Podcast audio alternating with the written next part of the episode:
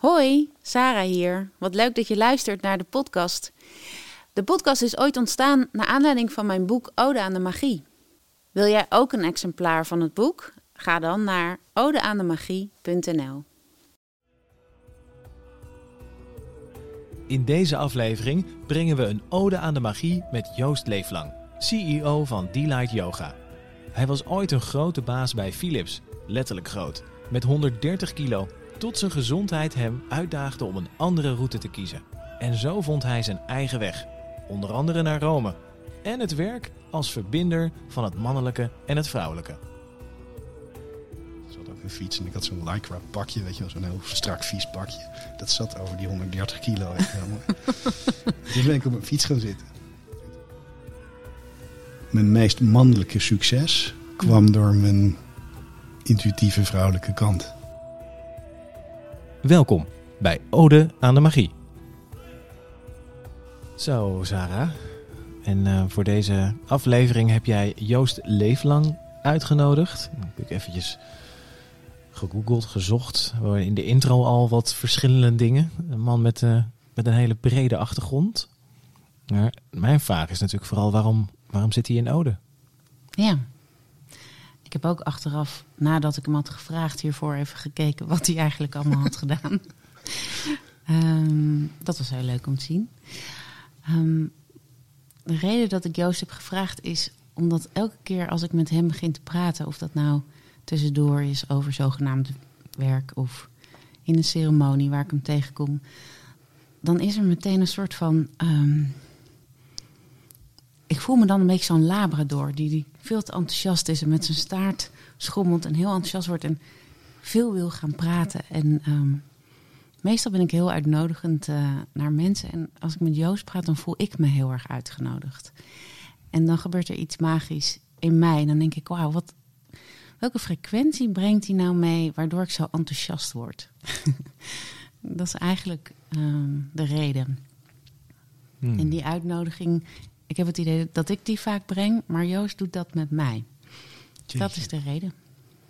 Mooi, dankjewel. Graag gedaan. Dus hey Joost, Hoi. leuk dat je er bent. En ik ben natuurlijk razend benieuwd naar wat magie is voor jou. Hocus pocus. Nee, het is elke dag. Hm. Er is elke dag wel iets. En wat het vooral doet, is het. ehm, ehm, het geeft me een beeldje waardoor ik getriggerd word. En dat kan een zin zijn, of een stem zijn, of een opmerking zijn. Maar dat kan ook eh, iemand die op straat loopt zijn. Of een dier wat langskomt. Of de zon die op een bepaald moment verschijnt. Hm. Maar de magie zit hem in wat dat bij mij doet. Welke associatie ik daarbij krijg Ja, dat is eigenlijk voor mij het feit dat je dat herk- herkent. Mhm. Dat is volgens mij het magische in het leven. Ja. En wat is de laatste keer dan dat je magie hebt beleefd als je dat elke dag hebt? Wat, wat was het meest magische vandaag? Oh gee, nee, er zijn vandaag allerlei magische momenten. Het laatste was eigenlijk dat ik, er, er- ik fietste en ik ging op tijd hier naartoe komen. Mhm. En eh er liep iemand voor me en die was helemaal in zichzelf gekeerd. En die deed precies het tegenovergestelde van wat ik dacht dat hij zou gaan doen. Hm. En toen dacht ik van, oké, hoe, hoe, hoe zit dat? Waar, eh, waarom is dat bij degene die ik hiervoor in dezelfde situatie tegenkwam, kwam, is dat niet zo?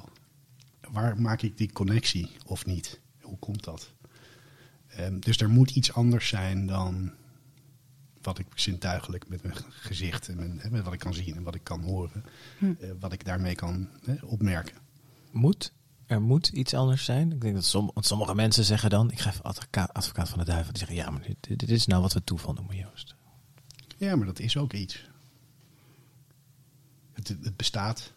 En het denk ik dat toeval bestaat slechts op het moment dat je het ziet. Eh, anders gaat het voorbij. Is het er niet.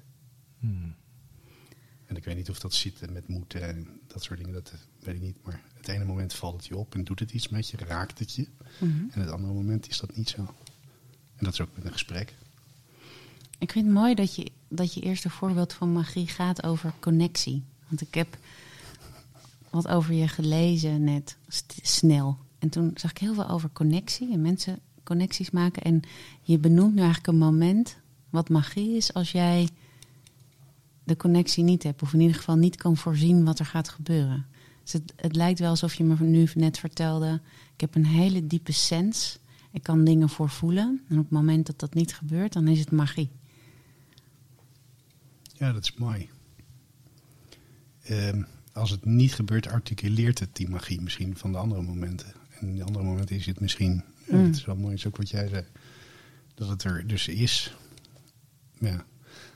Ja. Dus is jouw magie dat jij zo in sync bent en connectie hebt. Eh, ik, ik, ik merk, en dat merk steeds vaker, dat het, dat het inderdaad mijn, ja, wat ik, wat ik ben, zit heel erg, is dat gevoed doordat ik een connectie maak.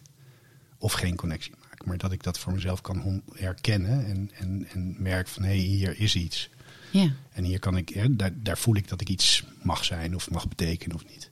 ja, Ehm, en dat is wel, als ik nou over dingen van over het herkennen van magie, Mhm. is als ik eh, kijk, is dat, dat vroeg namelijk iemand vanmorgen, van wanneer is dat allemaal, komt dat allemaal bij je, wanneer is dat allemaal gebeurd?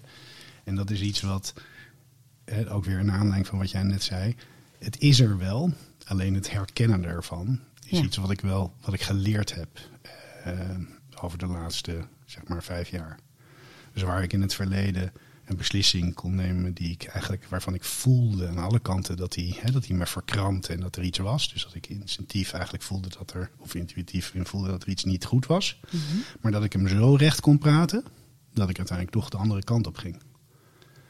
En wat ik nu doe, en wat ik nu geleerd heb, is dat ik echt kan vertrouwen daarop. En dat ik hem dus ook beter kan benoemen. Dus dat ik hem naast die rationele kant neerzet. Dus dat ik hem, dat ik hem dan ook als een veel waardevoller instrument voor mijn routekaart, zeg maar, eh, eh, kan, eh, kan Dus invullen. even als ik het goed begrijp, jij voelde altijd de magie. En je voelde intuïtief wat er nodig was. En rationeel praatte je dat dan weg? Ja. Wat is Ja. er dan vijf jaar geleden gebeurd dat je, dat je bent gaan vertrouwen op die, op die intuïtie, op die magie, op, op dat wat jou roept? Nou, eigenlijk is het omdat ik mezelf de ruimte heb gegeven, heb gegeven om dat te kunnen ontdekken. Oké, de vertraging, de versnelling, verstilling. ja, En daarvoor was ik continu aan, in, in, in, in de race. ja. Dus dat ik in de race voor oké, nog meer en nog beter en nog eh, hebben. Was dat in werk? Ja, in werk en in leven. Zoveel mogelijk uit het leven halen. Ja, Je was Eh, ook, dat was echt ook een, commercieel werk wat je deed, toch? Je zat bij Philips volgens mij een ja, tijd. Ja, ja. Dus, eh, commercieel, corporate, eh, jasje, tasje, Ja, dasje. helemaal strak in het pak. Ja. Goede spulletjes. En, en gaan op de, corp, op, de, op de corporate ladder. Ja, dus ik heb, ik heb mezelf nog wel eens betrapt op een document waar zag ik van nou, hoeveel stappen moet ik nog maken. en dan? Nou, en dan ben ik eh, bij de top, zeg maar. Weet je wel? En als ik daar nu over Wauw. nadenk, denk ik van wat, waar ging het over? Dat, dat was Wat, wat mijn- was die, die denkbeeldige top dan? Ja, dat was in de raad van bestuur. En dan, dan ben je er. Dan ben je er. Dat was perspectief. En dat Ah. dacht ik van dat het zo was. En, ja, dus ik, dus, en, dat, en is ook wel geestig hoe dat werkte, denk ik. Dat, dat je, ehm daar gebeuren een aantal dingen met je. En dan krijg je er, eh, dan, dan word je op een bepaalde stoel gezet. En vaak doe je dat niet eens zelf, maar dan word je neergezet en er wordt iets herkend. En dan wordt er gezegd van oké, hij is bij de eh, zoveel mensen die hè, we zien als nou, potentieel voor. En dan ga je voor jezelf ook nog denken dat dat zo is. En dat dat hetgeen is wat het allerbelangrijkste is. Ja. En dan ga je dat heel hard tegen jezelf roepen. En dan denk je van, oh, oké. Dus je geloofde dat verhaal. Ik geloofde dat verhaal volledig. Ja. En kwam er toen een, een, een harde break waardoor je dacht van... Wow, ik ben mezelf kwijt? Of wat Ja. kwam er... ja. En die, die, die tonen zich eigenlijk fysiek ook aan. Ja. Hè, dus dat ik, eh, dat ik eh, eh, naar boven liep eh, om mijn sleutel, omdat ik mijn sleutel was vergeten. Hm. En dat ik buiten adem was eh, en voordat ik weer beneden was. En dat ik eigenlijk ook zo boos daarover was. Dat je ik- jezelf had uitgeput. Ja, dat ik mezelf en dat ik zo'n stomme fout had gedaan. Oh. Dat was het ene. En het andere was dat ik gewoon, ik was 130 kilo. En ik dronk minimaal elke dag een fles wijn. En ik dacht dan, dan, dan de volgende dag een bak met koekjes. Om maar genoeg suikergehalte om me er doorheen te slepen. Ja. En ik maakte mezelf eigenlijk helemaal ja, hoe heet het, num over van wat er nou gebeurde met mijn leven. Dus je was in de rat race en jezelf aan het verdoven. Ja, en daarmee zag en ik een niet man meer. aan het zijn. Ik was, ik was dat thema, ja, ik was meer. Ik, ik vertrouwde op mijn, mijn mannelijke kant. En dat was wat gegevengene waar ik mee bezig was de hele dag. Ja. En dat, dat, dat hielp mij door die dingen. Totdat op een gegeven moment mijn lichaam zei van... oh, maar wacht eens even, dit kan niet verder. ja. Ging dat nog verder dan buiten adem zijn, dat lichamelijke? Nee, maar dat je voelde dat ik, dat ik voelde dat ik het gewoon niet meer aankon. En dat ik het daardoor ook geestelijk geen ruimte meer had. En dat ik dingen deed waar ik niet, waar ik niet meer tevreden mee was. Dat ik boos werd op, nou ja, Ja. op mensen waarvan ik dacht van... nee, maar dit heeft niets met jullie te maken. Het is puur van mij. Ja, dus, Dus als je tegen je zoontje boos wordt omdat jij je sleutels bent vergeten... ja. en hij je niet helpt, het slaat hè, dat, is, dat is jouw... Ik begrijp dat het nergens op slaat, maar het is wel bijzonder dat je het kon herkennen. Ja, ja. Want anders had je een veel heftigere klappen gekregen. ja, ik denk het wel. Ja. Ik ken mensen die het graag naar buiten toe blijven projecteren. Ja, ja, En dan komt er gewoon een hartklap. ja. Ik zit nog te denken waar ik dat nou echt re- mezelf realiseerde. En dat was toen ik dit verhaal vertelde. We waren met een groepje mensen bezig om te kijken of we een ander model of een ander systeem konden bedenken. Waardoor mensen op een goede manier eigenlijk vanuit het bedrijfsleven eh, een volgende stap konden maken. Eh, en dat ging dus over hoe je mensen bindt, maar ook mensen juist weer loslaat. Ehm, dat zoals ik het nu vertel. Toen ging het over gewoon loopbaanpad, eh, loopbaanpadplanning en dat soort dingen. Maar dat, en toen vertelde ik eigenlijk tegen hen dat mijn, groot- dat mijn droom eerder was om op een bootje de oceaan over te steken dan wat ik nu aan het doen was. En dat vertelde ik. En op het moment dat ik dat vertelde, eh, kwamen die emoties, die kwamen echt vol door. Dus die, ik, ik ging los. Dus je gevoel nam jou over. ja, op dat moment kwam mijn gevoel, mijn gevoel kwam weer helemaal terug. En dat kwam natuurlijk ook omdat ik fysiek gewoon helemaal klaar was. Ja. Ik had dat lichaam uitgeput. En ik zat dat elke keer maar weer met allerlei middelen door te duwen. Maar ik kwam niet verder. Nee. Dus ik verloor daarin dat stuk. En toen dat gebeurde, toen zei iemand van... Jezus, het lijkt wel een nervous breakdown waar je naartoe gaat. Toen dacht ik wel, oh, oh, daar heb je wel gelijk in. Dat is eigenlijk wel zo. Ik Dat, herken je het. zei, daar heb je Ja. gelijk in. Ja, ik herken het. Het is, ik bedoel, het is raar. Dit is niet meer hoe ik was. Nee. En ik mis een aantal dingen van mezelf die ik niet meer, hè, die ik niet meer aan het doen ben. En toen heb ik, me, heb ik eerst eindeloos over nachten over nagedacht. Wat ging ik dan doen? Dat werden natuurlijk hele mannelijke dingen, zoals de kanaal overzwemmen. Oh ja, Dat is dat natuurlijk. moet je dan doen. eh, ja, gaaf. Heb je dat gedaan? nee. Oh. Ehm, en overlegde met mijn vrouw en van wat, wat is het nou, wat kan ik dat doen? En, en iemand zei van ja, het is, die stelde dat hij, zij in dit geval was een, een wandeling gaan maken. En het, ze vond het fijn dat je dag na dag een nieuwe inzichten kreeg. En toen dacht ik van ja, het moet toch iets mannelijker zijn. Dus toen heb ik een, een fiets, die had ik toch al, want mijn vriendjes had ook een fiets. En ik had zo'n lycra pakje, weet je wel, zo'n heel strak vies pakje. Dat zat over die 130 kilo. weet je wel. En toen ben ik op een fiets gaan zitten. En toen ben ik naar Rome gefietst. Waarom Rome? Ja, Vaticaan, de kerk, eh, weet ik niet. Ik weet het niet, wat dat is dinges. Maar we gingen daar ook uiteindelijk in de buurt op vakantie. Dus dat was praktisch ook wel oké. Oké, dus dat was wel te doen. Ja, dat was wel te doen. Ja. Ja, maar fysiek was het natuurlijk een drama. En ik denk dat er een aantal mensen in mijn omgeving op een gegeven moment wel eens gedacht hebben van... ja, wat gaat hij nou doen met die 130 kilo en dan op zo'n fietsje zitten... afgezien van het feit dat hij het fiets best zwaar heeft. Zal het lichaam het ook wel zwaar hebben. En dat was het mooie, dat het eerste drie, eerste derde deel van deze sessie was eigenlijk fysiek. Van, ik voelde de pijn in mijn lichaam, ik voelde dat mijn lichaam niet meedeed. En ik was echt uitgeput als ik ergens aankwam. En ik moest echt liggen, liggen. En dan ging ik onder de douche met mijn handsopje, want het moest natuurlijk gewassen worden volgende, voor de volgende dag. En dan zat ik echt drie kwartier onder die douche mezelf schoon te spoelen. Nou, als je daar zeg maar de symboliek van pakt, dan is het letterlijk, heb ik het derde deel van die, ik geloof dat ik 18 dagen bezig ben geweest, dat ik die van mezelf afgespoeld heb. En dat ik mijn lichaam weer leeg en, en schoongemaakt heb met alle hè, de rommel die ik eruit haalde. En daarna begon het tweede deel van het, van het soort met rationaliseren. Van oké, wat gebeurt er en hoe lang moet ik nog eh, berekenen hoeveel tijd ik op die fiets zou zitten, hoeveel uur, wanneer ik moest eten, hoe het programma loopt, wanneer ik die berg tegenkwam, wanneer dinges. En elke keer kwam ik weer ergens aan en was er eigenlijk geen verschil. En hè, merkte ik dat dat hele gerationaliseer eigenlijk alles weghaalde bij wat ik aan het doen was in, mijn, in die fietstocht. Hmm. En het laatste deel, dat kwam natuurlijk overeen met dat ik over de pas, de Stelvio pas in Italië ging. En dat ik naar Blob en naar Italië binnenreed. En wat gebeurt er net iets naar beneden, aan het einde van die, eh, van die pas. Daar is een heerlijk tentje met eh, allerlei lekkere pastaatjes en dingetjes. En daar ben ik gaan zitten. En toen ben ik, ik eigenlijk gedacht van oké, nu ga ik het leven leven. Nu ga ik het naar mezelf toe komen. Eh, en toen kwam het derde deel van die, van die reis. En dat was echt heel erg observeren en dingen naar me toe laten komen. En gewoon kijken wat er gebeurt die dag. Maar wat Oh. bedoelde je met die pastaatjes? Oh, genieten en... eh, ja, dat weet ik niet. Dat is een goede vraag. Wat zou het kunnen zijn? Nou, ik, ben- ik kijk natuurlijk vanuit symboliek. Ja. En die was over die pas heen. Mhm. En toen was daar een tentje met allerlei heerlijke pastaatjes. En wat ik hoor fonetisch is pa, sta. Ja, mooi. Dus vader voor jezelf worden. En dat is ook zorg voor jezelf. Ja, dat is een mooie. Dat klopt. Pasta. Mhm. Dus genieten. Maar genieten is ook dat er een bedding voor jou is. En wat het aardig is, ik zat te denken, wat zeg ik over, is het salami of is het pasta? En ik zeg pasta. Want, ja, dus dat, dus, nou, dat is toch eigenlijk het magische. Ja. Pasta. Ja, dat, op dat moment kon ik alleen gaan staan.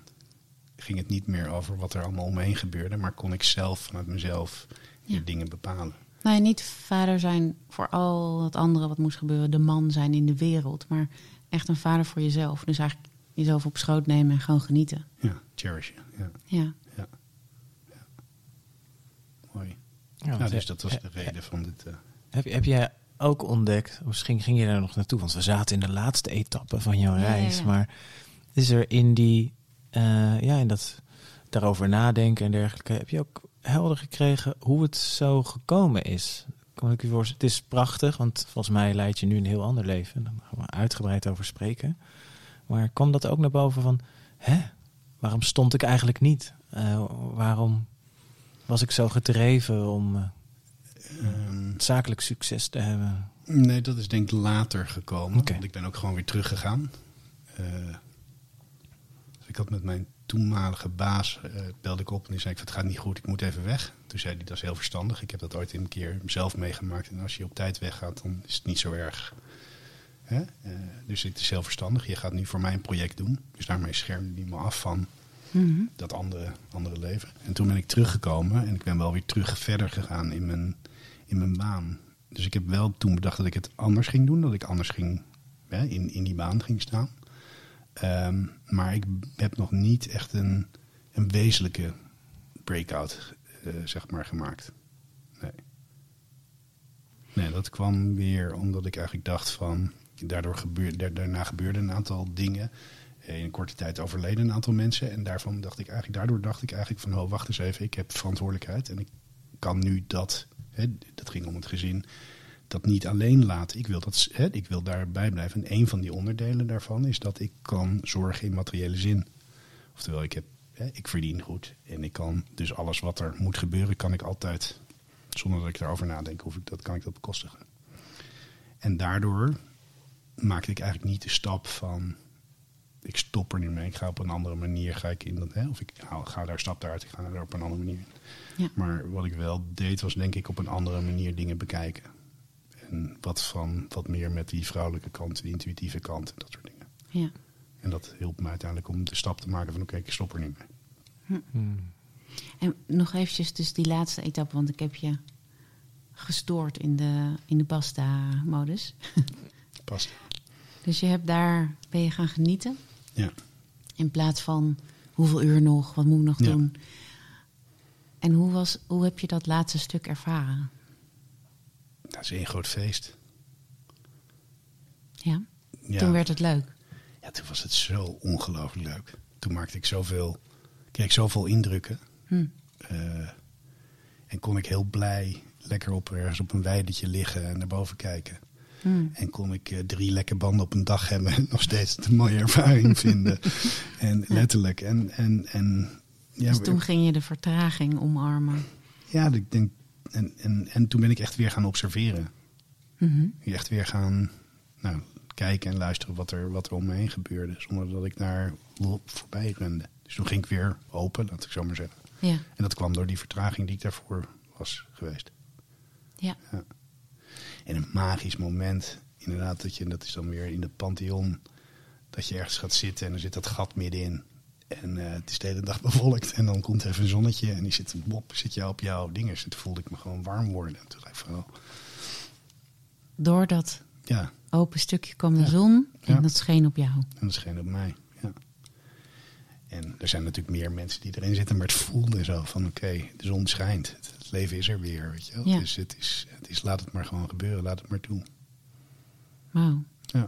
En de zon staat voor het meest mannelijk principe. En dat mag dus inderdaad nu op jou schijnen. Niet voor de rest. Niet de weg beschijnen voor de ander, maar Op jezelf. Ja. Het geeft warmte. Dus ik had niet een mannelijk eh, geassocieerd, per definitie. Dat hoeft niet. Nee.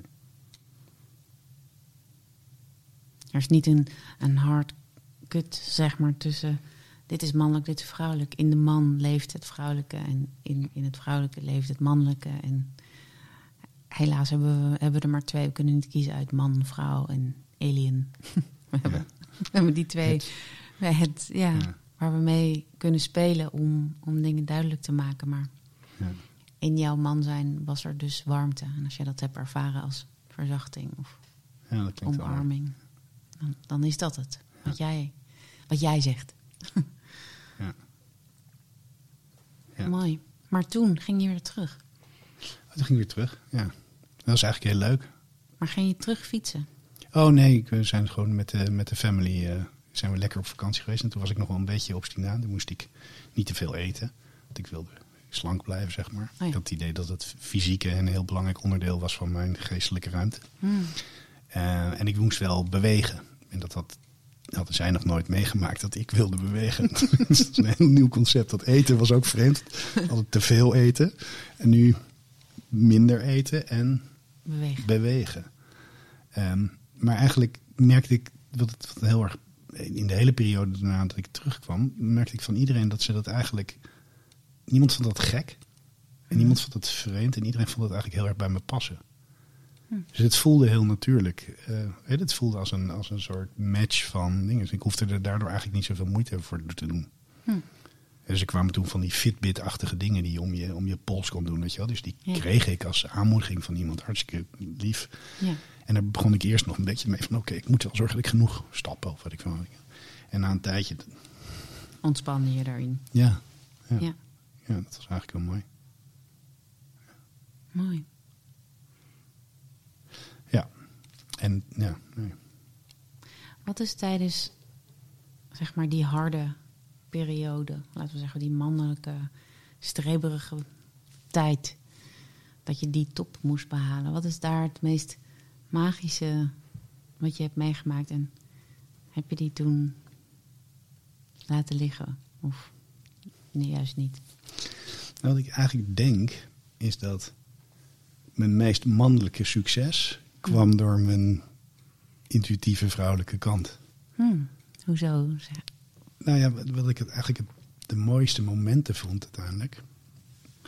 Ehm, nou, bijvoorbeeld eh, eh, als je in Rusland zit, dan kan je je voorstellen dat het een hele ehm, van bovenaf aangestuurde masculine eh, of, eh, samenleving is, waarin zeg maar eh, de, de, de, de, de kracht bepaalt. Ja. En we gingen een, een crisis in. Dus er was de grote, grote Lehman Brothers crisis, de financiële cri- crisis. En alles ging natuurlijk helemaal mis. En in Rusland werd het alleen nog groter. Omdat het, nou, alles daar wat er gebeurd is, of heel groot of heel klein. Dus dat, dat was enorm. En waar het iedereen mee begon, was zeggen van oké, nu gaat die baas vertellen wat we allemaal moeten doen. En ik zei eigenlijk alleen maar van jongens, dat is allemaal wel mooi. Jij was Maar- die grote baas. Ja, ik was die grote baas. Mhm. En die zei allemaal van, ja, jij moet het doen. En ik zei van, jongens, even wacht eens even. Ik ben de enige buitenlander hier. Mhm. Ik weet het minste van jullie allemaal. Dus wij gaan het doen. Nou, dat was een verandering van Ja, de manier waarop. En zeg maar het- de ruimte geven aan die hele groep. Het aanvoelen wie, wat, waar, Ja. hoe in die, in die cirkel stond, zeg maar. Dat was eigenlijk hetgene waarom we daarna zo ontzettend veel succes hadden. En waarom uiteindelijk de, eh, Am- Amsterdam vond dat wij succesvol waren. Want het Dus het werd herkend. het werd herkend. En ook maar, herkend... niet, maar niet voor op de manier waarop, Ah. maar wel heel erg voor het resultaat. Ja. En de groep zelf Mhm. herkende heel erg dat het anders was. En dat ze zich daar erg nou, fijn bij voelden. Dus die hebben dat wel opgemerkt. Ja. Ja. Ja. er zijn nog steeds, af en toe komt er iemand die zegt van wat er toen gebeurde, wat er toen was, Mhm. dat wil ik dat er weer komt. Wauw. Dus dat is, Maar daar heb je dus echt een, een grote verandering teweeg gebracht. Ja. Dat is echt een heel andere vorm van leiderschap. ja, denk ik wel. Ja. Ik vind Ja. dat mooi. Ik, ik merk het in, in het werk wat we doen heel vaak dat juist die vrouwelijke manier eh, niet bij de vrouw vandaan komt, omdat de vrouwen geëmancipeerd raken en vol in, dat, in de, op de mannelijke manier. En dat de mannen eigenlijk vrijgespeeld worden om die vrouwelijke manier wel in te brengen en ehm, te voeren. Dus ik, ik raak heel erg geïnspireerd door juist mannen die dat doen. En je Ja. zou verwachten van, oh, dan gaat dat vrouwelijke Ja. dat nu brengen. Dat is zo mooi dat dat collectief is of groter dan Ja, maar een man of een vrouw. Ja, wat, je, wat je zegt volgens mij, is in, je hebt de, de emancipatie, is, dan gaat opeens alle aandacht naar die man. Ja. die. Dus dan, dan, gaat, dan is de balans weer weg. Ja, Dus nou, maar het is dat vrouwen de emancipatie, dus die gaan net zo hard werken als de man. Ja, Maar ze brengen niet hun vrouwelijke kracht in. ja, En wat ik jou, wat je nu vertelt, dat je zegt: Ik ben hier de buitenlander, ik weet het niet. Ja. Zeg maar eens vanuit een positie van leiderschap: Ja. Ik weet het niet. ja. Holy shit. Dat vind ik best wel het ballen gek. hebben, om maar iets heel lulligs te zeggen. Ja, niet snijden. Ik kan het nog steeds in Russisch, is heel makkelijk. Ja. Hm. Nee, maar, nee, maar wat, wat ik bedoel, ja, dat, ik dat- begrijp dat het. betekent, ik weet het niet. Ik weet het niet. Hoe zegt nooit? Ja, niet snijden. Ah. Ehm, ik weet niet. het- Maar ehm, wat je hebt, ehm, volgens mij gaat het om die, om die balans. En wat ik merk is dat ik op dat moment eigenlijk door het te accepteren dat ik het rationeel niet aan kan. Dus dat die mannelijke kant niet mij die, de, de oplossing ging geven. Maar Ja. de andere kant, die, noem het maar dan de intuïtieve kant. Dat die en de vertrouwenskant, dat dat me moest helpen. Ja. En dat accepteren. Ja. En dat denk ik andersom ook. Dat soms is er, hè, dan bal- herbalanceren of we, we proberen zo goed in dat vierkantje te passen. Dat we vergeten dat we een cirkeltje kunnen zijn. En dan gaat het mis. Dus ik, volgens mij zitten we, we proberen ook dit weer in, een- in, een, in een vakje te stoppen. Maar het gaat uiteindelijk om wie is die persoon. En als we daar naartoe kunnen gaan, dan denk ik dat we echt enorme stappen nemen. En dat is misschien nu wel de opmerking van eh, het het. Ja. Alleen voeren we dat weer uit in een soort moment van... oké, dat moet dan wel hè, een kleur hebben of een piemeltje hebben. Of weet Ja. je wat? Dus dat, dat, dat is... Nou, ik ben het helemaal met je eens. Ehm, ik denk wel dat stappen gemaakt kunnen worden als er ook als je erkent wat er nu is. Ja. Dus ja, ik wil naar dat, dat we het niet meer hebben over man of vrouw. Daar wil ik ook heen. Heel Mhm. graag zelfs. Mhm. Maar we kunnen niet de stap overslaan dat de erkenning op wat er nu is. Nee, en als je die erkent, Ja. dan komt die stap vanzelf en hebben we hem niet eens meer door. Ja. En ik denk dat we er eh, te snel eh, overheen willen stappen. ja, dat we meteen de oplossing willen genereren. Dat we zeg maar even door de hele U heen willen gaan. En dat we eh, eigenlijk We van willen heel B. graag door, Ja. uit dat eh, patriarchale systeem Ja. stappen. Ja. Want we doorzien het allemaal. Ja. Maar dan moeten we wel alles ophalen waar we vastzitten in dat systeem. Ja. En als we die niet kunnen erkennen van holy shit, dit is waar ik er nog in vastzit. Ja. De pasta. ja, nee, dat klopt. Ja. Dan, ehm, Ja. dan gaan we te snel en dan, dan is het hem net niet. Ik hoor ook veel mensen zeggen, ja, van, van de derde dimensie naar de vijfde dimensie. Ja, daar wil ik ook heel graag heen. Ja. Maar volgens mij zitten we nog in de derde dimensie en hebben te erkennen wat, daar, wat daar nog voor brokjes liggen. Ja, en als we het daar te veel over hebben, wordt het een soort doctrine. Ja. En dan wordt het weer een soort moment, gaan we heel hard roepen, eh, roepen hoe het moet. En dan verliezen we uiteindelijk de echte verandering. Ja, Dus we moeten hem heel klein beginnen. ja. Ja. Maar je hebt ook ehm, in het soort organisatie waar je werkt een meer vrouwelijke positie gekozen. waar je nu werkt, is, gaat meer over uh, inner peace en dat soort. Ja, dat soort uh, zweverige dingen. ja, ja de, de, maar ook dat denk ik dat dat ge gebeurt. Ja, overkwam dat jou? Ja, dat overkwam. Ja. ja. Was dat een magisch verhaal? Tja, dat weet ik nou. Nee. Nee, het was meer dat je, dat je connectie, gaat weer over connectie hebt met mensen en dat je daardoor dat er een aantal dingen gebeuren. Dat is in, in mijn geval, dus ik, ik, ik voelde me daar op mijn plek. En ik voelde dat ik daar uiteindelijk hè, op, op een, ja, dat dat iets was waar ik in zou passen en waar ik hè, denk, dacht dat dat ja, bij me zou kunnen passen. Ja. En daardoor gebeurde er iets. Dus en als je, ik nu. Dus je, je wist dat het bij je zou passen, dus dan hoor ik even in mijn taal. Van, ja, dat is een je zei magisch er alleen maar, moment. Je ik zei er alleen maar, ja, te zeggen. Ja. ja. Dus we zaten met z'n vier op de bank. Mm -hmm. Dus de weg naar naartoe is dat je komt, je gaat iets doen, dan kom je iemand tegen, die denkt iets en die voelt van hé, hey, die brengt je in contact met andere mensen. En op dat moment ontstaat er iets waardoor je allemaal denkt van oké, okay, dit is, dit is oké, okay, dit is goed. Dit klopt. Dit klopt. Is ja. dat dan niet de aardse definitie voor jou van magie? Dat, je, dat het in connectie is? Ja, en dat, er moet balans zijn ergens. En dat ja. het klopt. Verbinding die klopt. Ja. ja. Ja. Ja, ik zat laatst te denken van, is dat, wat is dat? Is dat? Kan je dat visualiseren? En ik had een gesprek over iets en toen vroeg iemand van, kan je duiden waar je bent? Als in dit geval organisatie, maar ik denk dat het vaak ook hetzelfde is als mens. En dat waren negen vakjes. Mm -hmm. En ik voelde daarmee, ik voelde, wat een irritatie. Ik voelde me echt een beetje... En toen dacht ik van, ja maar oké, okay, wat, wat zie ik hier nou eigenlijk? En wat moet ik hier dingen En toen dacht ik van, oké, okay, wat zijn nou de vormen waar ik me wel goed bij voel? En dat zijn toch rondere vormen waar er gelijkheid is en waar de verbinding met elkaar is. Hm. Waar je best een stapje naar binnen of een stapje naar buiten mag maken, maar waar uiteindelijk de mogelijkheid blijft om verbonden met elkaar te zijn. Ja. En dan ontstaat volgens mij, dan, dan en zoals in Rusland, dan ontstaat er, Ja. dan komt er zo'n berg met energie vrij dat Ja. is bijna niet meer te stuiten. Dus jij wil veel meer vanuit ordening en veel minder vanuit hiërarchie. Dus de juiste mensen op de juiste plekken en dat dat dan een vrije vorm geeft. Ja, dan moest ik even denken uit wat je zei, dat je het woord ordening noemt. Mhm. Ja, meer vanuit zelf, vanuit zelf, ja, die zelfstandigheid is het niet. Vanuit zelfcare of vanuit zelfbewustzijn, dat zo dingen. Mhm. Dat daardoor die rollen ontstaan. Ja. Ja, dus in de, in de gesprekken zit daar ook meestal maar van waarom, hè? Waarom, doen, waarom doe je dit en waarom Mhm. als ik naar met binnen het bedrijf luister naar gesprekken, probeer ik uit te vinden waarom je, waarom iemand dat, hè, wat, wat de achterliggende nou ja, gevoel is, wat je daar, wat, wat mensen hebben, Ja. om dan te zoeken naar van.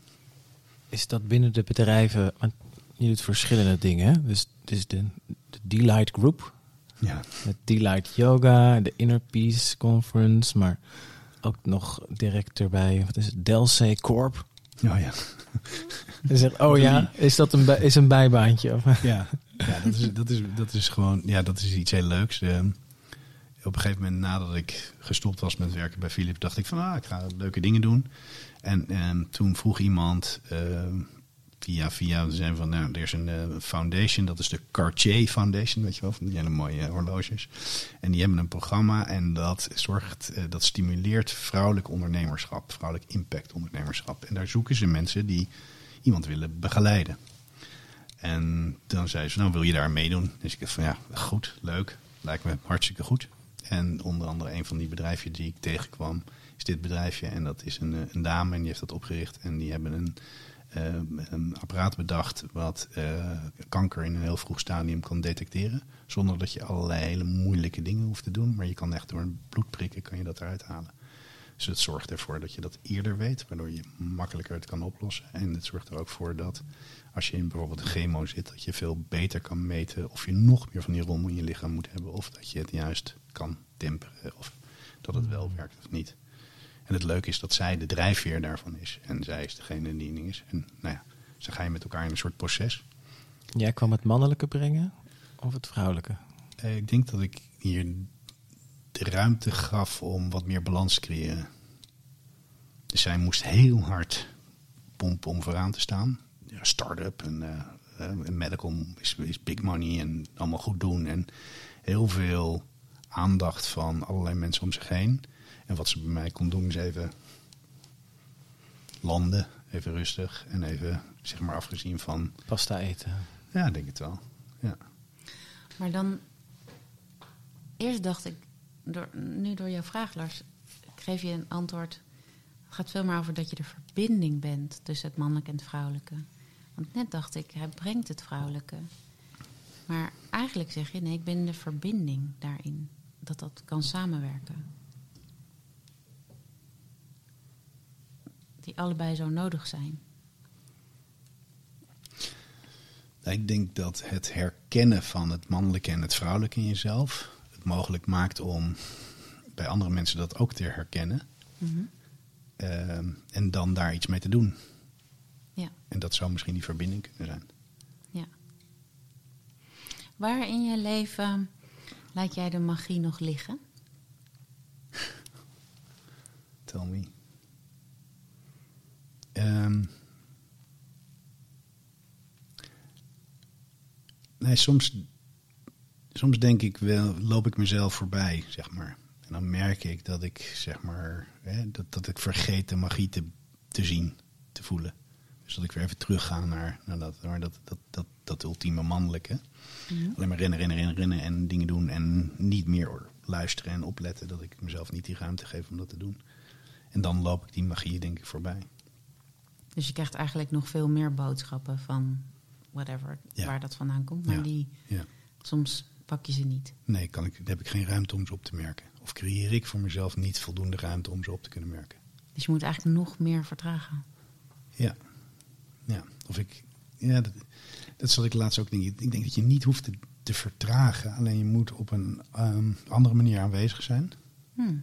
En mm, je kan soms denk je van oké, ik moet nu een verhaal vertellen. Of ik moet iets presenteren. En dan moet ik al die slides kloppend hebben. Want anders zou het wel eens niet goed kunnen gaan. Ja. Maar je kan ook zeggen van dit is wat er nu is. En daar heb ik mijn best voor gedaan. Dat is oké.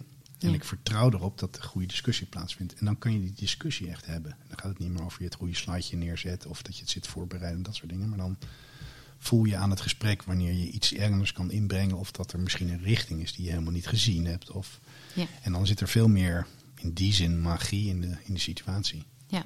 En die heb je niet alleen met een bedrijfsmatige manier, maar die heb je natuurlijk ook in je privéleven. In, die, in je relaties die je hebt met kinderen, met vrouwen, met vrienden, ja. mensen die je tegenkomt. Hoe, hoe zie je dat? Ja, dat dacht ik al, daar komt hij. Ehm, nou, dat geef ik hem lekker terug. Ehm, als wij dat gesprek hebben over, we hadden het over zwarte, eh, zwarte, zwarte vlakken.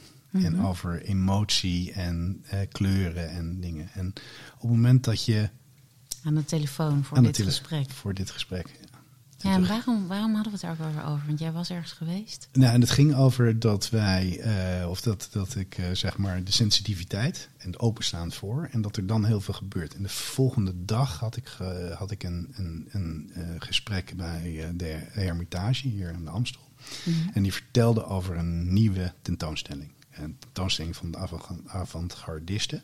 En daar kwam een tekst en daar ging het over dat kunstenaars hadden geprobeerd door middel van, van kunst, door beelden, door emoties te ontlokken, zodat mensen uiteindelijk dichter bij een gevoel zouden komen. Hmm. En toen zei ik, dat vertelde ik tegen je. En toen vertelde ik dat het een van de, eh, nou, de meest logische is het vierkante zwarte vlak van, van Malevich. Gewoon een vierkant zwart ding. Ja. Maar als je er naar kijkt, dan voel je het. En toen sloeg jij meteen aan. Ja. Want we hadden namelijk best wel een kort gesprek. Ja. En toen eh, zei hij dit opeens. Ja. En toen vond ik dat heel frappant. Want ik ben vorig jaar door mijn moeder erin geluisterd om een, een hoofdstuk te schrijven voor Inside Black. Ja. En ook daarin staat dat schilderij waar jij het over had. En ehm, met een tekst van mijn moeder. En dat is een van de, van de engste dingen die ik gedaan heb. Namelijk kleur bekennen. over kleur gesproken, Mhm. in Inside Ja, Black. Ja. Met Ah. zwart-wit foto's. Ja, met mijn eh, creatieve kant, die ik echt altijd heb ontkend. Dus het was zo grappig dat jij daar iets over zei en dat ik weer kleur moest bekennen. En dat, het, dat je dus steeds, jij, jij biedt steeds een soort uitnodiging per ongeluk, omdat je blijkbaar op een bepaalde frequentie aanhaakt. En dan voel je de uitnodiging om, zeg maar. Daar, dus ik, ik denk dat ik veel magie beleef steeds in de uitnodiging die je doet. En die, en die is bijna niet eens textueel. Dus je, jij, je brengt een frequentie mee. Hm. Want volgens mij hebben we het daar niet echt eerder over gehad. Over dat Malevich. Nee. Nee. En ik, En toen bleken er nog allerlei hermitage links te zijn Allerlei en dat soort dingen. En toen dacht ik, Hermitage ah, oké. links. Ja. ja, mooi. Ja, maar ja. ehm, dus als je hem vanuit dat, de energie, en dat je die voelt. Ja, ehm, en aan de andere kant, soms denk ik wel zo, het is ook de eh, opmerkzaamheid. En, zeg maar, want ergens denk ik dat jij iets gezegd hebt over. Oh, dat. Weet je wel, die, dus de, jouw reactie zou ik wel aan gevoeld hebben van, of gemerkt hebben dat er, dat, er, dat er nog iets meer was. ja. En op het moment dat je dan niet dat hoort of ziet, komt dat gesprek er ook niet. Nee. Dus je kunt, eh, je bent he- helder voelend of zo. Nee, ik ben toch niet anders dan iemand anders. Nee, maar je hebt wel een ander doel dan iemand anders. Iedereen heeft zijn eigen magie.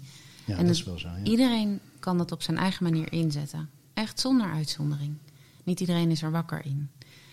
Jouw magie is dat je dingen aanvoelt en dat je daarmee een bepaald veld meebrengt. En eh, volgens mij, ik vroeg jou net namelijk, welke magie laat je nog liggen? En dat is omdat je nog bescheiden bent op dit gebied. Ja, waar we het ook eerder over gehad hebben. Over, dat, Ja. over het trommelen. Ja. Ja, Ja. want ik heb je voor de laatste keer in de ceremonie gezien. Ja. En daar heb je gezien waar je het nog laat liggen. Ja. Wil je me meer vertellen over het trommelen? Ehm, Lars voelt dat wij het over iets hebben wat hij niet weet. Ja, dat is een geheim. ja, dat zit in de ceremonie. Ehm, en dat is iets wat, hè, dat jij en Sven doen en waarin je mensen begeleidt om uiteindelijk wat meer van zichzelf te ontdekken. Ja, Eh, op een hele ehm, vertrouwens. nou, Ik weet niet hoe je dat zegt, maar dit geeft, het geeft het, het je mag daar echt alles, alles mag komen. Dus er is niets fout, er is geen enkele judgment. Mhm. Eh, het is een ongelooflijk open situ- hè, eh, ja, omgeving die je daar creëert. En dat laat, ieder geval voor mij, maar van de mensen met wie die daar ook waren, voel je aan dat iedereen dat heeft. Ehm, en wat er met mij in die zin gebeurde, om te relateren aan die, aan die trommelen, was ik, dat ik voelde dat ik, of merkte dat ik een heleboel voel. Ehm, en dat ik moeite had om daar iets mee te doen.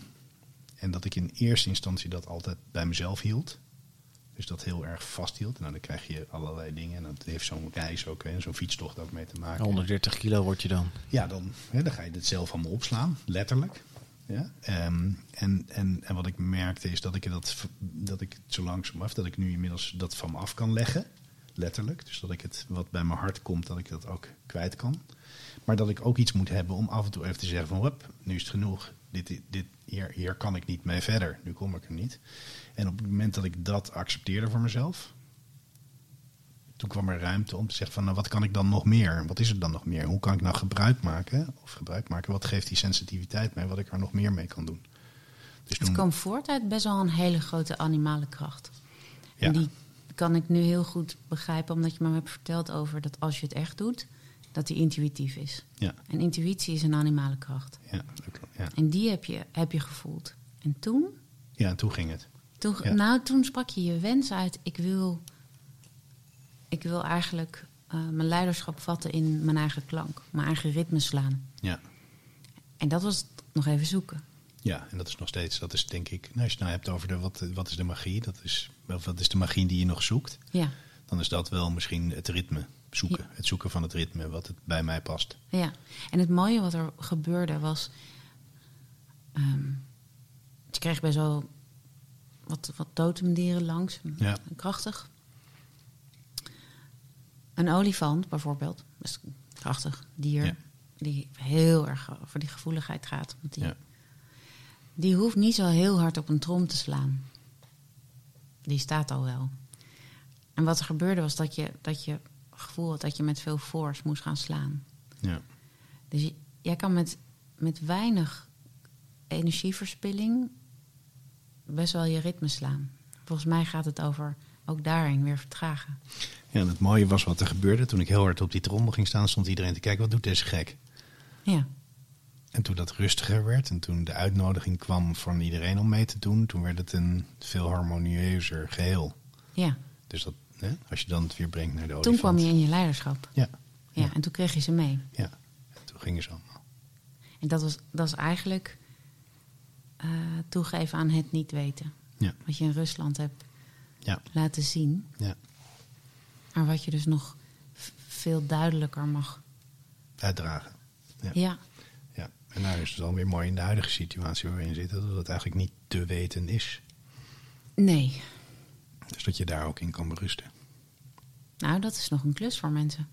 Ze vinden er behoorlijk wat van. Ja, heel veel. Ik Ja, heb nee, nog nooit zoveel meningen gehoord. Ja. En ook zoveel hard. Ja. Heel veel splitsing, hè? Ja, vreselijk. Ja. ja, dat is moeilijk voor een man die gaat voor de verbinding. Ja, het zit aan alle kanten, doet dat pijn. Ja. ja. Ja. En het niet oordelen.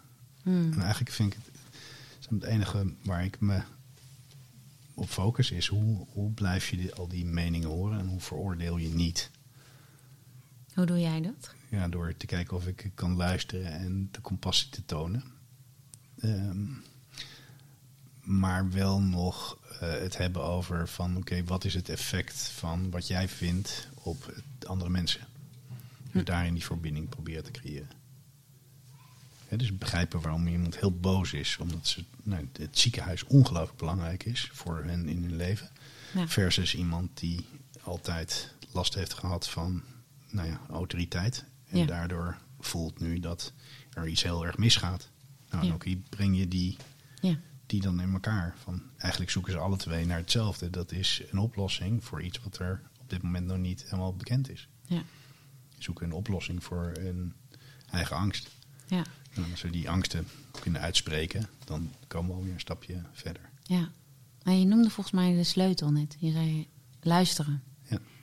En dus niet actief vanuit, dat is een heel mannelijke kracht, iets eraan te gaan doen. Ja. Maar jij zei luisteren. Ja. Ja. En stil zijn Ja. in plaats van, van zeggen. Ja. Mooi. Ja, dat is ook wel mooi. Ja. Ja. Prachtig.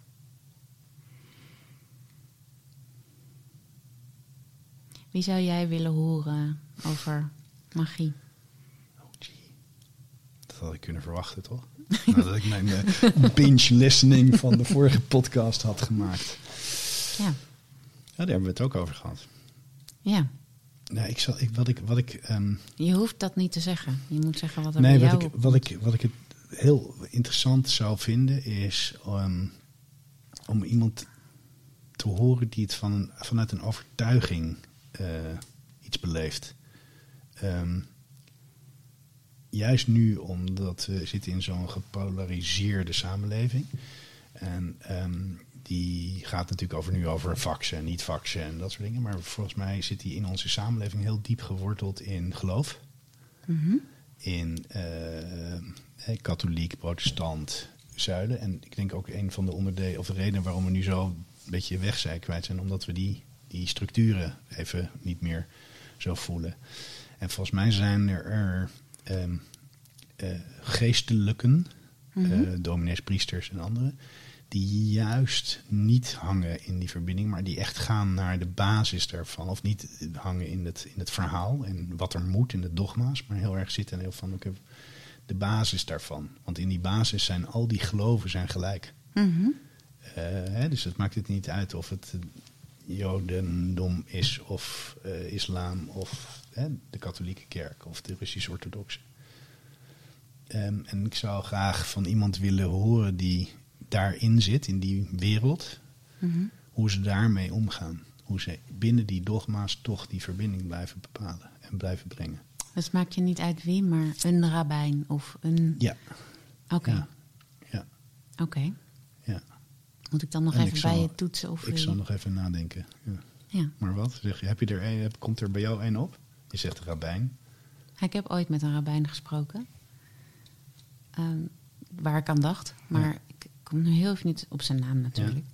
Maar ik ga het wel bij... eh, ik, ga, ik ga even op onderzoek uit met. Lars. En dan ehm, ga ik het bij je toetsen. En waarom ook? Ik vond Ja. een van de Mhm. meest indrukwekkende momenten die ik heb gehad in mijn leven was dat ehm, ik was zat in de Oekraïne. Mhm. En daar kwam op een gegeven moment werd er iemand naar me toe gestuurd en die zei van eh, ja, je moet maar eens even met Joost praten. Want die kan je wel helpen. En wat bleek nou? Hij eh, was door de heel Europa heen allerlei kinderhuizen aan het neerzetten. En dat ging erover specifiek over dat er gehandicapte kinderen waren, vooral in Oost-Europa, die eigenlijk niet meer van hun kamer of van hun, hun huis uit hun huis kwamen, omdat ze dat fysiek niet konden, maar ook omdat ze scha de schaamte waren van de familie. Hmm. En wat hij deed was ehm, eh, met, samen met de kerk zorgen dat hij ehm, ehm, ja, ruimtes maakte, kinderthuizen, wel maar ruimtes waar deze eh gehandicapten naartoe konden komen om weer een normaal leven te gaan leren leiden. En hij had van eh, de eh bisschop van Lviv, dat is een stad in, het, in, in de Oekraïne, had hij een, eh, een, eh, een abdij gekregen. En die hadden gezegd van, nou, ga, maar, ga er maar iets van maken. Dit is een goed doel, want wij kunnen hem niet onderhouden en het gaat allemaal mis. Dus, en toen heeft hij fondsen gezocht en toen zocht hij naar mensen die wat konden doen aan de inrichting. Dus hij kwam bij mij voor de lampjes en voor de televisies. Hmm. Dus toen zei ik tegen hem, dat is goed, eh, hè, we helpen je om het goede uit te zoeken en om een lichtplan te maken. En zorg ook dat er iemand is die, je gaat, hè, die het neerzet. Dat is dan de vrijheid die je daar hebt. Of die je hebt omdat je zo'n positie hebt. En, en toen deed hij aan het einde had hij een, ehm, eh, hoe noem je dat? Een, eh, en toen zei hij van ik wil graag iets organiseren voor alle mensen die me hebben geholpen. En toen had hij in, de, in het operagebouw, dus een hele, hele mooie eh, kleine Wenen, en had hij een bijeenkomst geregeld. En eh, wie zaten dan op de eerste rij? De rabbijn, de imam, de, de, de, de, de voorganger van de Russisch-Orthodoxe kerk en de katholieke kerk. En, en die zaten daar gebroedelijk naast elkaar. En die had, die had hij allemaal zo ver gekregen om uiteindelijk iets voor elkaar te krijgen. Dit voor Ja. elkaar te krijgen. En toen stond hij zelf op het podium. En toen werd hem gevraagd, is een kleine meneer, met een wat verfromfraaide eh smoking. Die stond op het podium en die zei, en toen werd hem gevraagd, waarom doe je dit? En toen zei hij van, nou ja, als er op het strand een heleboel visjes liggen, hè, die liggen te ha- happen naar adem. Ja, het enige wat ik kan doen is elke keer één klein visje teruggooien. En dat vond ik zo mooi in ten overstaande van die verschillende geloven, die symboliek daarvan. Ja, Ja, dat vond ik echt een waanzinnig mooi moment. dat is wel de ultieme, ehm, het ultieme moment van magie voor iemand zoals jij. Ja. Als je een verbinder bent. Ja, Ik zie het helemaal voor me. ja. Heel mooi. Is religie magisch?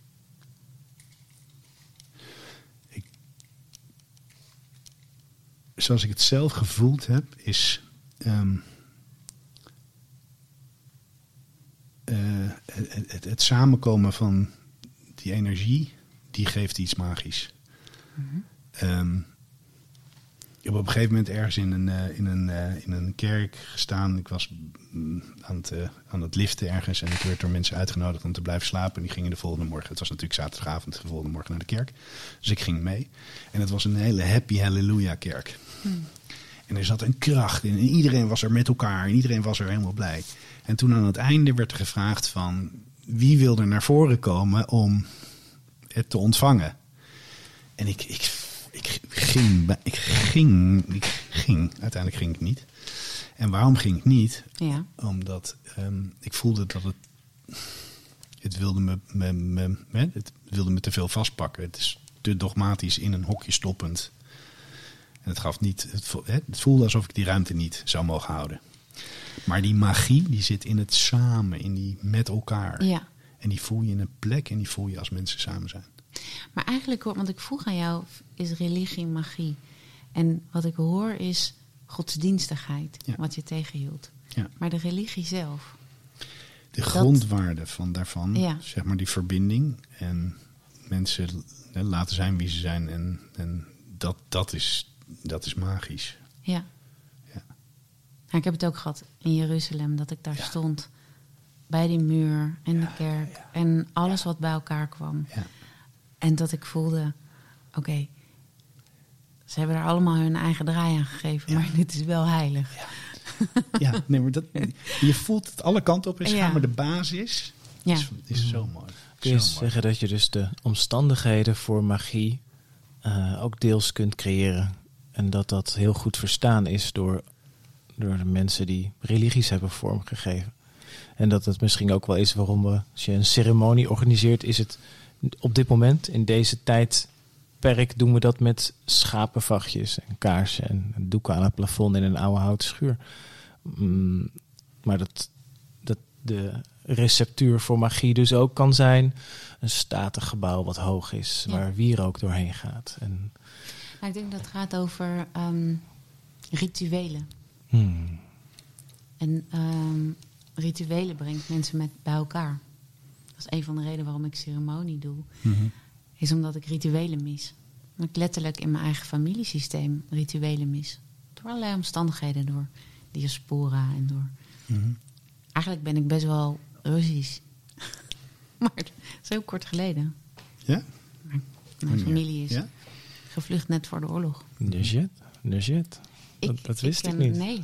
Huh, ja. Die snijden. Ja. Dus, ehm, dus ook dat stukje dacht ik, hm, interessant. Maar ik, ik weet er niks van. Dus allemaal, dus, maar die rituelen, dat is natuurlijk wat families verbindt, wat culturen verbindt. Wat, zodat je ook, zodat je weet waar je vandaan komt. Dus ja, dat, is, dat heeft een magie. Daardoor wordt het herkenbaar. Ja, en daar wordt het ook door overdraagbaar en, en wordt het van samen. Dus ik geniet er heel diep van om ceremonie te doen, omdat het rituelen zijn. Rituelen die je met elkaar doet. Als wij, nou ja, de windrichtingen uitnodigen en de elementen erbij betrekken, dan ontstaat daar een veld en een verbinding met de mensen. En als wij de schelp laten rondgaan na het gebed, ehm, dat iedereen zijn adem toevoegt, dan is dat een ritueel van verbinding. Ehm, als ik, ik ben Joods, maar ik ben niet godsdienstig. Maar ik vier wel de feestdagen met mijn kinderen omdat ik de rituelen wil doen. En omdat je, dat we dan elk jaar met gewoon elkaar de kaarsjes aansteken. En Mhm. iedereen mag kiezen voor wie ze het kaarsje aansteken. En Ja. dat kennen we en dan hebben we herkenning en dan hebben we verbinding met elkaar. Dat is, voor mij is religie heilig. Alleen de godsdienstigheid, dat is het vierkant. Ja. Dat verstikt. Ja. Dat is waarom ik ook niet zou gaan staan. Ja. Maar stiekem doe ik de rituelen wel. Ja. En heb je dan niet de behoefte om ze groter te vieren? Ze zijn allemaal dood. Nee. Met wie? Ja, nee. maar eigenlijk vier je het dan wel Ja. met al die. Ja, ik vier het wel. Ik, eh, ik nodig al die ancestors uit. Dus Ja. ik doe het groot. Ja, Ze zijn allemaal hartstikke dood. ja maar daarom, ja. Dus eh, ik zeg niet wat ehm, wij met ons kleine vier familietje doen, is dat we minimaal ergens per vakantie zit er één avond waarin alle verhalen uit de oude doos komen. Mm. Dus wat was er met opa en wat was er met broer en wat was er. En, en, en vaak zijn juist de verhalen zijn hetzelfde, maar daarmee ja, nemen we heel bewust tijd om te eren ook. ja, dat En is die heel connectie te maken. Ja. Ja. En dat is eigenlijk die godsdienst. Want je, Nou. hebt, hè, je linkt het naar je, ja, je, Ja. de vorige generatie. Nou, en om het ook nog even te linken aan pasta of Ja. pasta. Mhm. Wij in de westerse cultuur eh, raken onszelf ook kwijt in hoe moet ik een man zijn en moeten dat bewijzen in het bedrijfsleven vaak. Dat is wat een man moet doen. Mhm. Dat hebben we geleerd van Disney. We moeten, Mhm. Je moet de draak minstens verslaan. Ja. Het is ook omdat we rituelen missen. En in heel veel culturen, of in, in, in stammen en nog steeds bij natives, Ja. daar word je man. Of daar word je vrouw. Ja. En daarvoor gebeurt er iets. En daarin eer je ook je voorouders. En daarin sleur je ook niet de bagage van je voorouders mee. Want daar word je heel bewust van. Dit is van mij. Dit is waar ik man word. Ja. En dit is waar ik eh, word ontslagen van de belasting van mijn voorouders. Wij in de westerse cultuur torsen een boel mee. Omdat we dat niet bewust maken. En daar dus moeten verdoven en moeten eten. En pff, holy shit. Ja. Dat is 130 kilo, man. Worth of Ja. voorouder shit. Ja, ja zeker als die heftig is geweest, die voorouder shit, dan is het een hele zware belasting. Ja, En dan heeft het een hele grote invloed hoe je. ja. Ja. Ik, ik zat ehm, vorige week vrijdag was de, de, de gymleraar, lichamelijke opvoedingleraar van mijn zoontje kwam eten. Hm. Want die hadden elkaar ergens gevonden en elkaar uitgedaagd. Dus toen was het conclusie van oké, jij gaat bij mijn, met mijn ouders eten en ik kook. Oh, Dus dat was een mooie happening. En, maar wat bleek dat we elkaar vonden in het gesprek over ancestral lines of waar kom je vandaan en hoe beïnvloedt dat jouw leven. ja. En wat ging natuurlijk over, hij zag vader en zoon. Mhm. En hij zag vader en zoon zich op een bepaalde manier ten opzichte van elkaar staan. Mhm. En daardoor wilde hij een aantal dingen weten, waardoor hij vragen stelde en ook vanuit zichzelf vertelde wat zijn, de invloed was geweest van zijn ouders en grootouders op zijn. Ja, Ehm, en toen hadden we het ook over van hoe, hoe, hoe, hè, hoe zit het nou in systemen? Hè, dus hoe past het bij elkaar? En hoe zorg je ervoor dat je inderdaad die stap kan maken van de ene naar de ander? En, dat Ja. je, en daar missen we inderdaad die rituelen voor, want die, het blijft maar hangen. ja, Het blijft maar op een positieve manier natuurlijk ook. ja. Als je heel veel ruimte krijgt, dan is dat ook makkelijk. Ja, het is wel heel mooi om het bewust te maken. Dus wa- wat ik je zie doen in jezelf, dus dat je doorhebt van ik heb te luisteren. Het is ook wel heel mooi om het ritueel met je zoon dan aan te gaan. Daar, dat is ook ordening. Ja, geestig dat je nu van eerst was jij degene die eh, waar ik wat aan vroeg. En nu ben je weer, heb je hem weer even teruggezet. ja. Oké. Ik herken een heleboel dingen in jou. Ja. Lastig. Ja. ja. Ik heb dat ook te doen. Ik, ik, ik herken het ook. Mhm. Ik heb ook zoons. Mhm. Aten jullie die avond wel pasta? Nee. Goed zo. Nee. Jouw zoon doet dat anders. Ja, die doet het anders. Die maakt het dim sum. Hmm. Dat is heel slim van hem. Waarom Nee. is dat slim van hem? Ja, omdat dat een hele makkelijke manier is van ehm, aan tafel zitten en dingen maken waar, waar er iets gebeurt. En met allerlei verschillende smaken tegelijkertijd. Ja. Hij Eh. maakt het zichzelf makkelijk. Ja, en hij doet ook iets wat hij zelf lekker vindt. Waarvan hij zelf geniet en dat deelt hij met anderen. Ja. Hij, Ja. Dus heel eigen. Ja, zijn eigen mannetje. Ja. Ja. Mooi. Met herkenbare struggles. Ja. Ja. ja. Dus ik herken mezelf in heel veel dingen. En dat betekent dat je ook af en toe denkt van... oh nee, niet die valkuil. Neem hem nou niet. Stap er eerder even uit. Ja. En dat is, dat is vind ik... Nou, als je dan hebt van... Het zou magisch zijn als ik dat echt los kon laten. Dat je zoon gewoon zijn gang kan gaan. Ja. Dat ik niet probeer Vast te houden. vast te houden om die problemen die ik voor mezelf... Weet je wel, denk ik, denk, ja, oké. Ja. Dus je gaat met zachte ogen kijken hoe hij gewoon zijn pad gaat. Ja, hij gaat gewoon een pad. Met alle struggles daaromheen. En daardoor wordt hij nog een mooier mensje.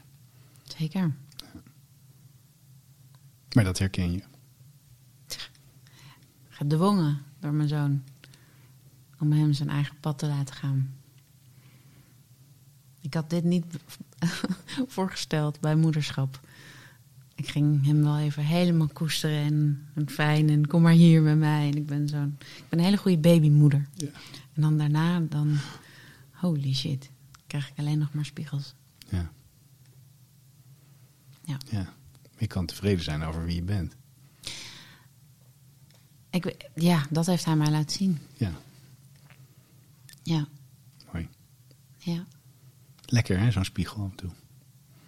Ik vond het niet lekker in het moment, maar achteraf ja. Ja, Ik ben heel dankbaar. En hij heeft echt zijn eigen ritueel gedaan. mooi. hij heeft me gedwongen in. eh, ja. Hij heeft wel een, een, een native manier gevonden om dat te doen. Gaaf. Ik vond het wel ruig. Ja? Ja. Vertrouwen, vertrouwen, vertrouwen. Ja, tegen. Ja, tegen alles. Vertrouwen dat het ook goed komt. Ja. Maar juist als je die babyperiode zo goed hebt verzorgd, dan zit er zo'n diepe oké. Want die, volgens de overlevering, die eerste zeven jaar worden al die dingen gev- gevormd. Die, wat is het? De neurological pathways en dat soort dingen. Dus die zijn dan heel diep. En als die goed lekker diep zijn en goed zijn, dan Ja. gaat het daarna.